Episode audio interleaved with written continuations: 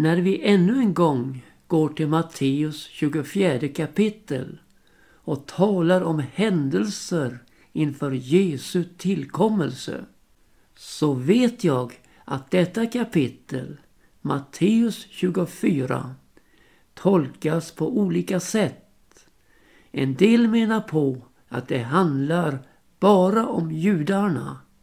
Andra menar på att det handlar bara om de kristna.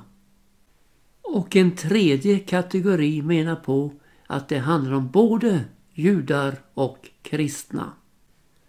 Om vi nu tar en händelse som Jerusalems förstöring som så klart är omtalad i detta kapitel så kan vi ju ha den inställningen att det berör inte oss. Så varför skulle vi bry oss om det? Men nu är det så att all skrift som är ingiven av Gud är nyttig till undervisning, till bestraffning, till upprättelse, till fostran i rättfärdighet, så att en gudsmänniska kan bli fullt färdig, väl skickad till allt gott verk. Därför är det så viktigt att vi alltid tar med helheten av Guds ord. Där också Jerusalems förstöring faller in som en viktig del för oss. Där vi kan lära vikten av att ta vara på Jesu ord för att bli frälst. Så även om vi inte var med i detta historiska händelse då Jerusalem blev belägrat av krigsherrar så kan vi lära och förstå att de som då tog emot Jesu ord blev räddade och så införa det i vår situation och förstå vikten av att också vi tar vara på Jesu ord. Det finns ingen som undervisar som Jesus. Det ord han talar är ande och liv. Han talar i bilder och han talar utan bilder. Och han handlar med oss och ger oss ord som är frälsande när vi tar vara på dem. Men ofta ser vi inte helheten utan bara en glimt av händelseförloppet. Och då är det inte lika lätt att orientera sig som om man tar vara på allt Guds ord.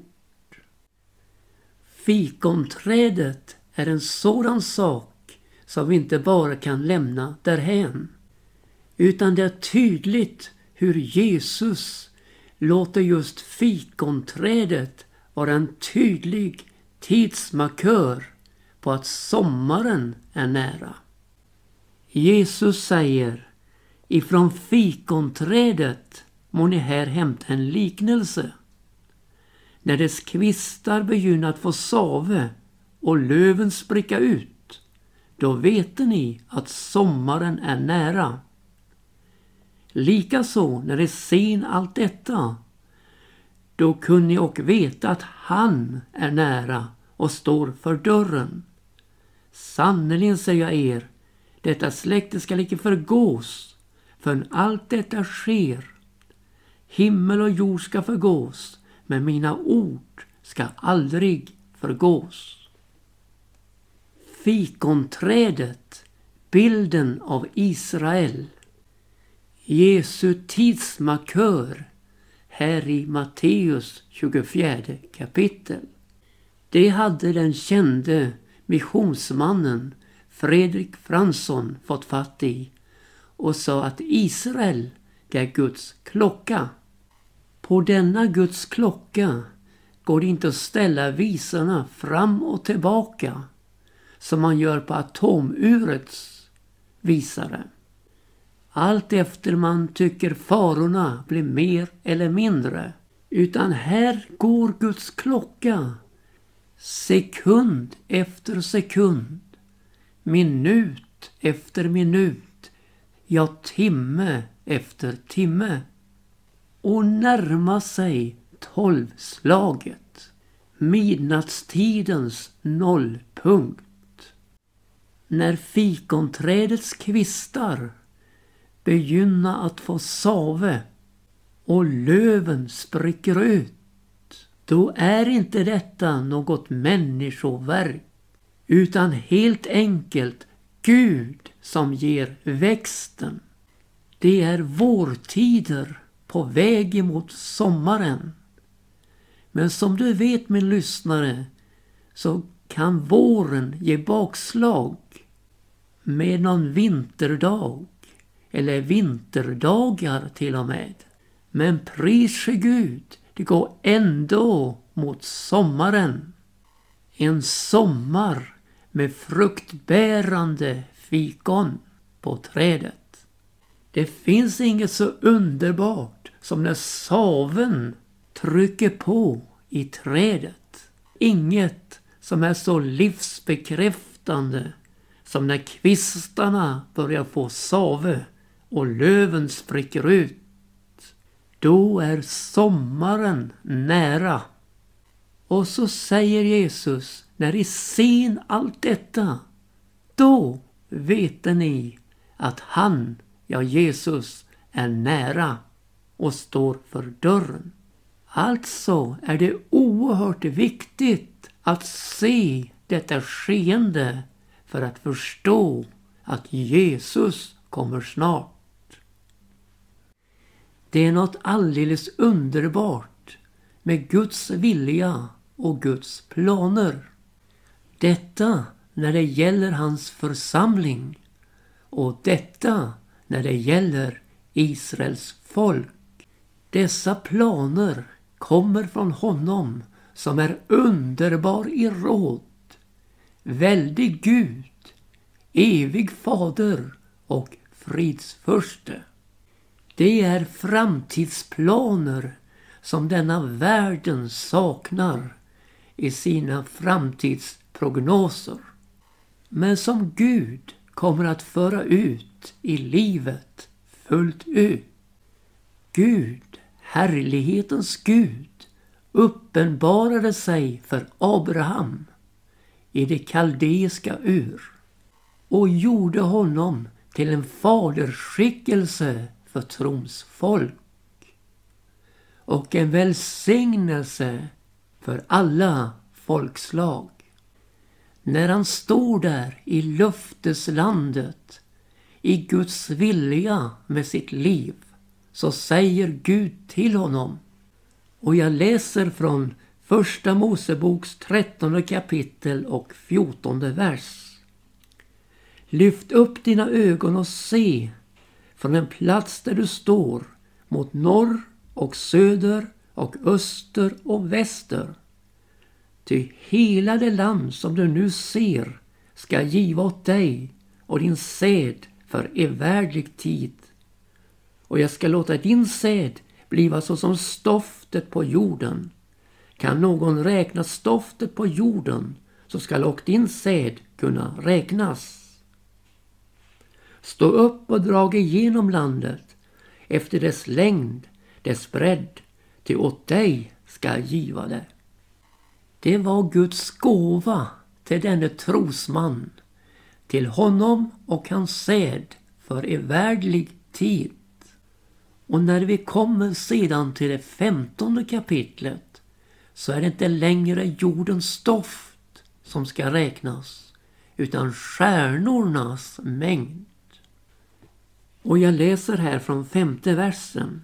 Och han förde Abraham ut och sa Skåda upp till himmelen och räkna stjärnorna om du kan räkna dem.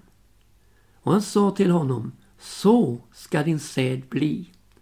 Och han trodde på Herren och han räknade honom det till rättfärdighet. Och han sa till honom Jag är Herren som har fört dig ut från det kaldeiska ur för att giva dig detta land till besittning. Israels rätt till landet ligger alltså helt tillbaka till Abrahams tid. Men så hände det förunderliga att det blev en hungersnöd i Israels land och Jakob sände sina söner till Egypten för att få bröd. Men då visade det sig att Gud hade varit före och sänt Josef dit för att många skulle hållas vid liv. Han, Josef, som blev såld till träl, fick närmast konungslig värdighet i Egypten. Och så kom hela Jakobs familj och släkt och dra dit ner för att bosätta sig där någon tid. Ett sjuttiotal personer. Se på Guds verk, säger predikaren. Vem kan göra rakt vad han har gjort krokigt? Och han säger också, det som är krokigt kan inte bli rakt och det som ej finns kan ej komma med i någon räkning. Om vi nu ser på Israels land så finns där inget folk som man kan räkna med. Och ser vi på Egypten så är det så krokigt det kan bli. Sympatierna förbyts mot träldom och tvångsarbete. En ny farao uppstod som inte visste av. Josef. Vem kan göra något åt ett sådant krokigt läge? Vem kan räta ut på det? Jo, bara Gud som säger släpp mitt folk så det kan hålla Guds tjänst åt mig i öknen. Så för han dem ut med stark och mäktig hand. För dem genom Röda havet som på torrmark och genom öknen med klippan, Kristus som åtföljer dem. Och så får de på nytt träda in på löftets mark. Nu inte bara 70 personer, men ett helt folk. Sedan möter oss upp och nedgångstider i löfteslandet. Vi har erövringstider. Vi har domartider och vi har konungstider. Gud, han ville leda sitt folk. Men folket, det ville bli som alla andra folk och sa Sätt en konung över oss. Och så får vi ännu ett exempel på det Gud har gjort krokigt. Det rätar han själv ut på. Avsätter Saul, tillsätter David och låter hans konungadöme få evighetsvärde bestående till evig tid. Jag läser från Andra Samuelsbokens sjunde kapitel, sextonde vers. Ditt hus och ditt konungadöme ska bli beståndande inför dig till evig tid. Ja, din tron ska vara befäst för evig tid. Vem kan ge löften om evigt konungadöme? Jo, bara Gud. Och så får David bli stamfader till konungarnas konung och herrarnas herre, Jesus Kristus. Tänk att Gud vände detta avståndstagande till honom då de begärde en konung till det underbaraste närmande till honom genom Jesus Kristus. Gud har sina linjer sin förunderliga verksamhet. I skapelsen skilde han två gånger innan han samlade. Och på liknande sätt gör han med Israels folk. Det blir förskingrade två gånger innan det slutgiltigt samlas i Israels land. I skapelsen Gud skilde ljuset från mörkret. Och Gud kallade ljuset dag och mörkret natt. Och Gud skilde vatten, vattnet från under fästet, från vatten ovan fästet. Och Gud kallade fästet himmel. Första förskingrandet, fördrivandet, ja bortdrivandet, skedde till Babel. Det var alltså ett bortförande till ett begränsat område, Babel. Och varför nu detta? Jo, de hade vänt sig bort från Herren och andra gudar hade trätt in i deras liv. Det fanns något latent i folksjälen som blossade upp nu och då med sin förödande kraft avgudadyrkan. Jag läser från Apostlagärningarna 7 och 42. Framburen i väl åt mig slaktoffer och spisoffer under de 40 åren i öknen i av Israels hus.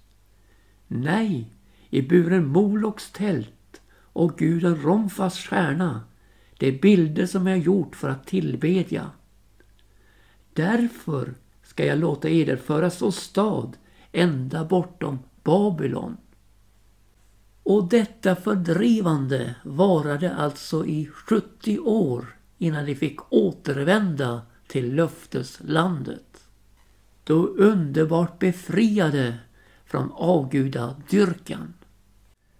Nästa förskingrande blev efter Jerusalems förstöring då judarna spriddes utöver hela världen. Och anledningen var ju den här att Jesus ville församla dem som hönan församlar sina kycklingar under sina vingar.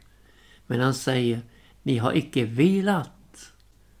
Och så säger han vidare, se det hus ska komma att stå övergivet och öde.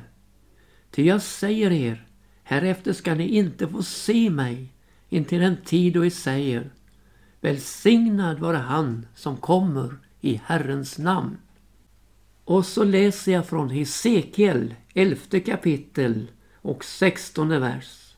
Så säger Herren, Herren, jag skall församla er ifrån folkslagen och hämta er tillhopa från de länder dit jag har blivit förströdda och ska giva er Israels land.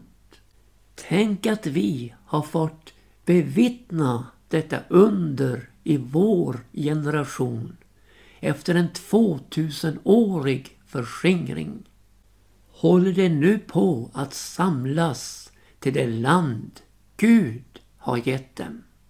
Och vi läste ju vem det var som församlade dem. Det var Herren. Och nu kommer vi till det praktiska. Hur ska vi ställa oss till detta församlande? Hur ska vi se på Guds klocka? Och hur ställer vi oss till det klargörande bildmaterial Jesus ger oss i Matteus 24 när han säger Ifrån fikonträdet må ni här hämta en liknelse. När dess kvistar begynnat få save och löven spricka ut, då vete ni att sommaren är nära. Likaså när ni sen allt detta, då kunde ni och veta att han är nära och står för dörren. Ja, den praktiska sidan. Hur ser vi på detta som sker inför våra ögon? Nu tar jag dig med till ett kapitel som givit mig förståelse och insikt i händelseförloppet.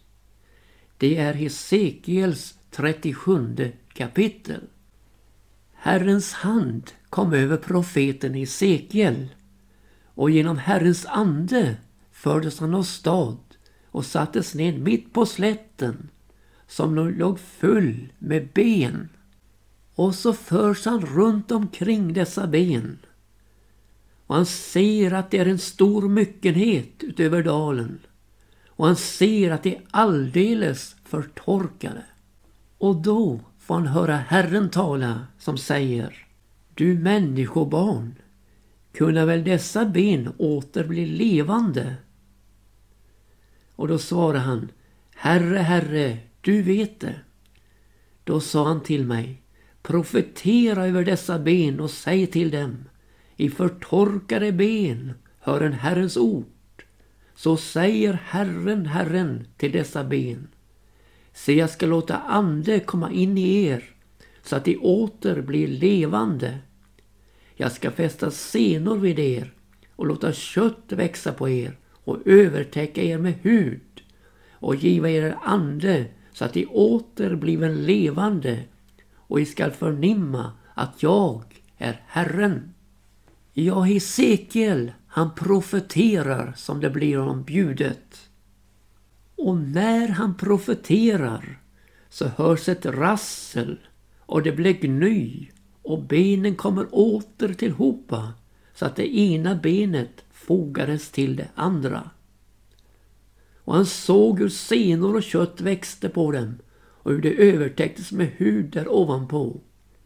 Men, säger han, ingen ande var ännu i dem. Ja, det är nu-situationen. Dagens läge.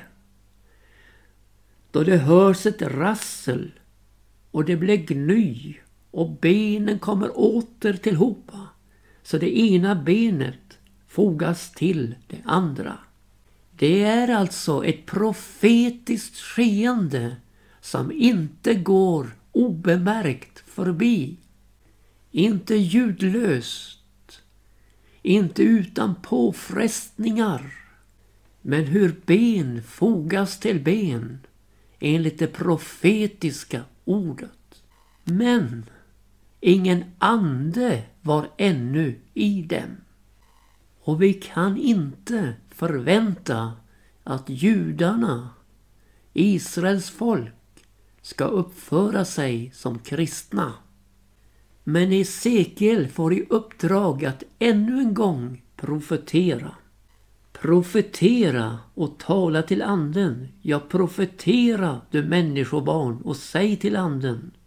Så säger Herren, Herren. Kom du ande från de fyra väderstrecken och blås på dessa dräpta så att de åter blir levande. Och så träder nästa fas in i det profetiska ordet. När profeten profeterar som det har blivit honom bjudet. Då kom anden in i dem och det blev åter levande och reste sig upp på sina fötter en övermåttan stor skara. Alltså är det två profetiska skeenden i detta. Först ett församlande till landet och sedan en andlig på nytt födelse. Som sker när de mottar Jesus som sin Messias. Och så får Hesekiel åter höra från Herren. Han sa till mig, du människobarn, dessa ben, det är alla Israels barn. Se det säga, våra ben är förtorkade, vårt hopp har blivit om intet, det är ute med oss. Profetera därför och säg till dem, så säger Herren, Herren. Säg vill öppna era gravar och hämta er mitt folk upp ur era gravar och låt er komma till Israels land. Och I skall förnimma att jag är Herren när jag öppnar era gravar och hämtar er mitt folk upp ur era gravar. Och jag ska låta min ande komma in i er så att de åter blir levande. Och jag ska låta er få bo i ert land och ni ska förnimma att jag är Herren har talat det och jag också har fullbordat det, säger Herren. Att inse dessa två skeenden är så viktigt för att förstå händelseförloppet och visa förståelse för judarna, för Israels folk i deras utsatta läge.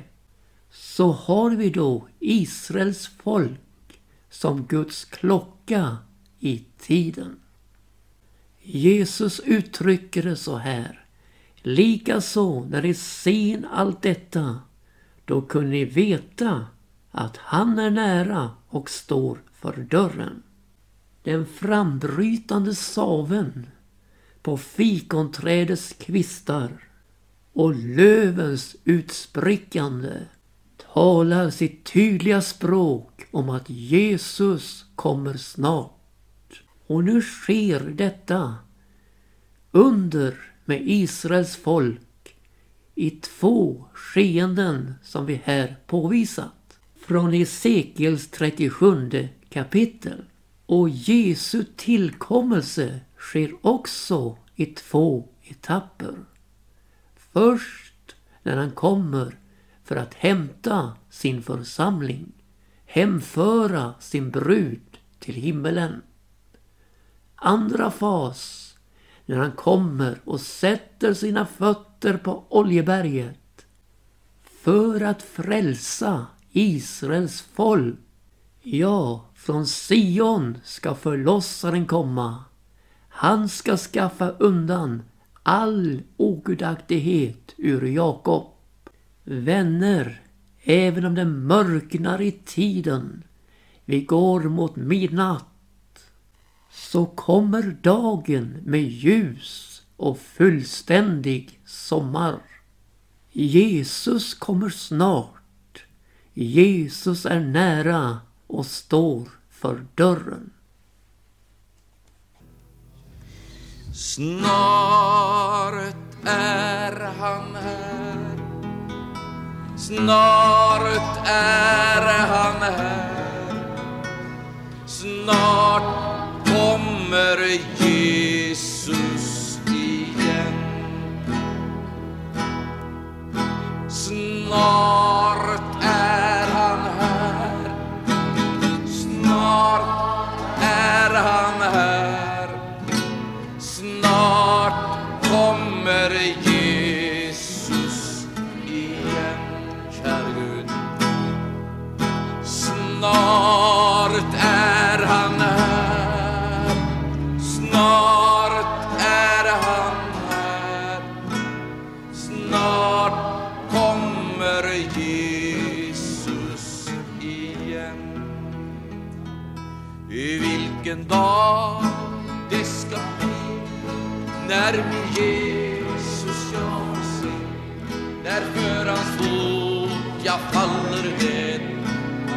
Han